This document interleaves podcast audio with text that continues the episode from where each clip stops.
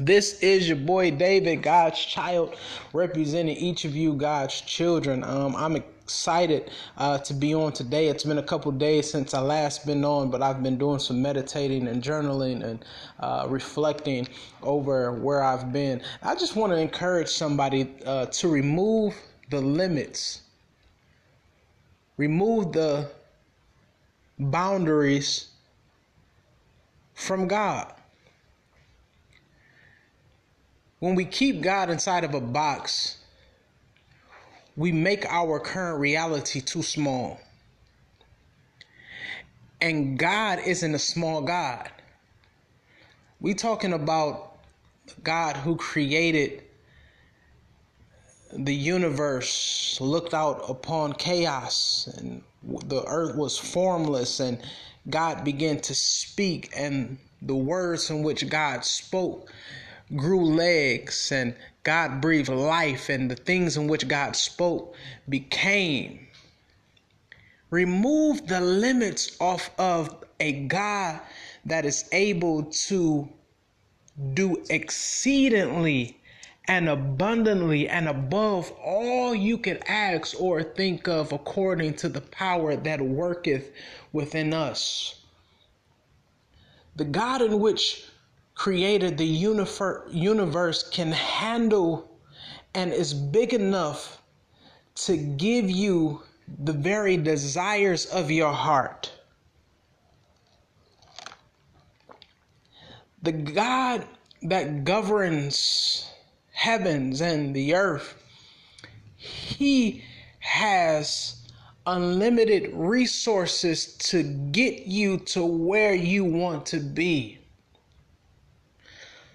So often we look at successful people, millionaires and billionaires from a distance, and we question why is there favor on their life? How did they get to the point in which they've gotten? How do I get to where they are?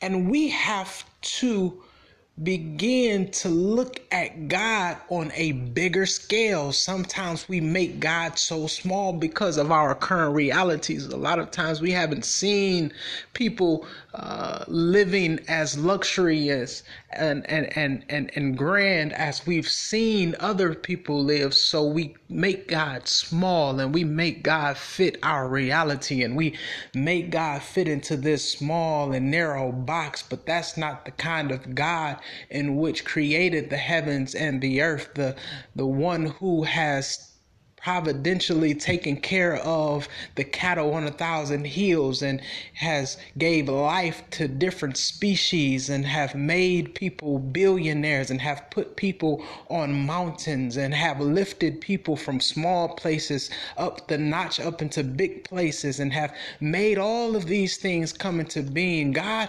is a big god and the smaller you make god the smaller your reality becomes. So my challenge challenge is to remind you not to make God small, but to look at God as big as He is.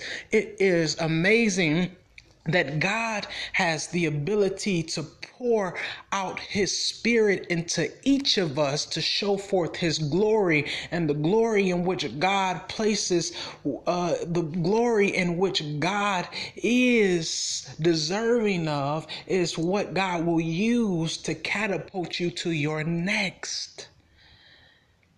Remove the limits off of God. If it's a book you want to write, write your book. If it's a mansion, a penthouse that you want, God placed within you the innovation and ingenuity to be creative. So the mind frame in which you have has the ability to conjure up thoughts, and those thoughts have the ability to come into being. Just look at your current circumstance and look at the things around you. The things around you came into life, came into existence based off of what once was a thought. Somebody thought it and they begin to move towards their thought pattern and their thought pattern produced produced a blueprint. The blueprint began to speak and and and, and then what once was a thought came into life. God has placed within you the ingenuity the innovation the creativity to make something out of nothing. If it's another tax bracket that you want to uh, be promoted into, you have to put your best foot forward and begin to think on how it is you are planning to get to where you want to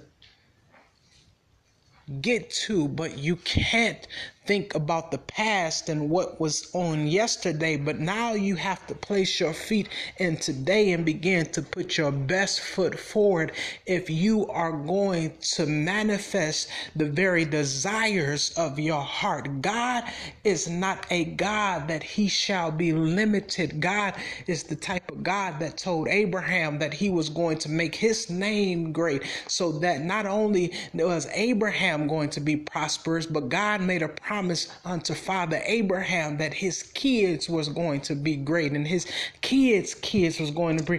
I'm just trying to tell you if you believe God to be a prosperous God, he will give you generational blessings, not blessings that are just for you, but God will make your children, children, children's blessed.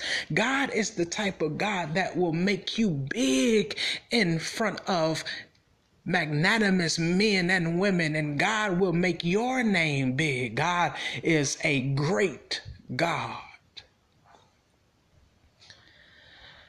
So I want to remind you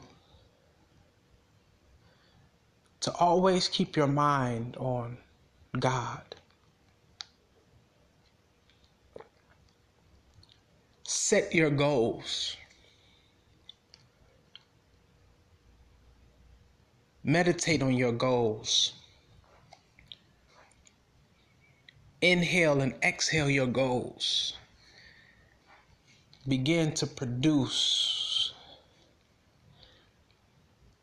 and trust that as you begin to think, God will, in some indescribable way, place you where you need to be in order for your desires to come into life. It's amazing how God works that when you keep your mind on Him and when you begin to tell God the desires of your heart and the things in which you want, God hears you not only does he hear you, but he positions you as you spend devotional time with him. He places you on the path in which you need to go in order for you to make it to the destination in which the desires of your heart has been given out. Move in the way of life. Don't be afraid of failures, for failures are the necessary steps that are needing to be taken in order for you to mount up and renew your strength and to become that very successful individual in which you see yourself becoming.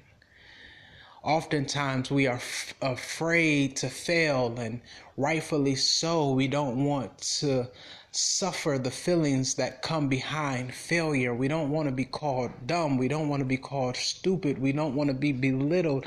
But the very blessing and failure is that you get an opportunity to try again and it forces you to go back to the drawing board. It causes you to be a little bit more studious. It causes for you to understand and recapitulate and uh, it causes for you to say, hey, this may not have been for me. Maybe I need to try it a different way. Therefore, the next time the test comes around, it's not about failure, but you have been here before. So now you walk from failure to success. Don't be afraid to fall. Don't be afraid to not get it right this time. But I'm simply wanting to tell you to embrace. Embrace the challenge.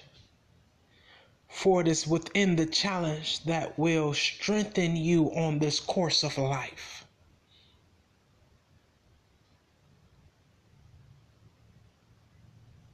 Remove the label, remove the limits, remove the boundaries.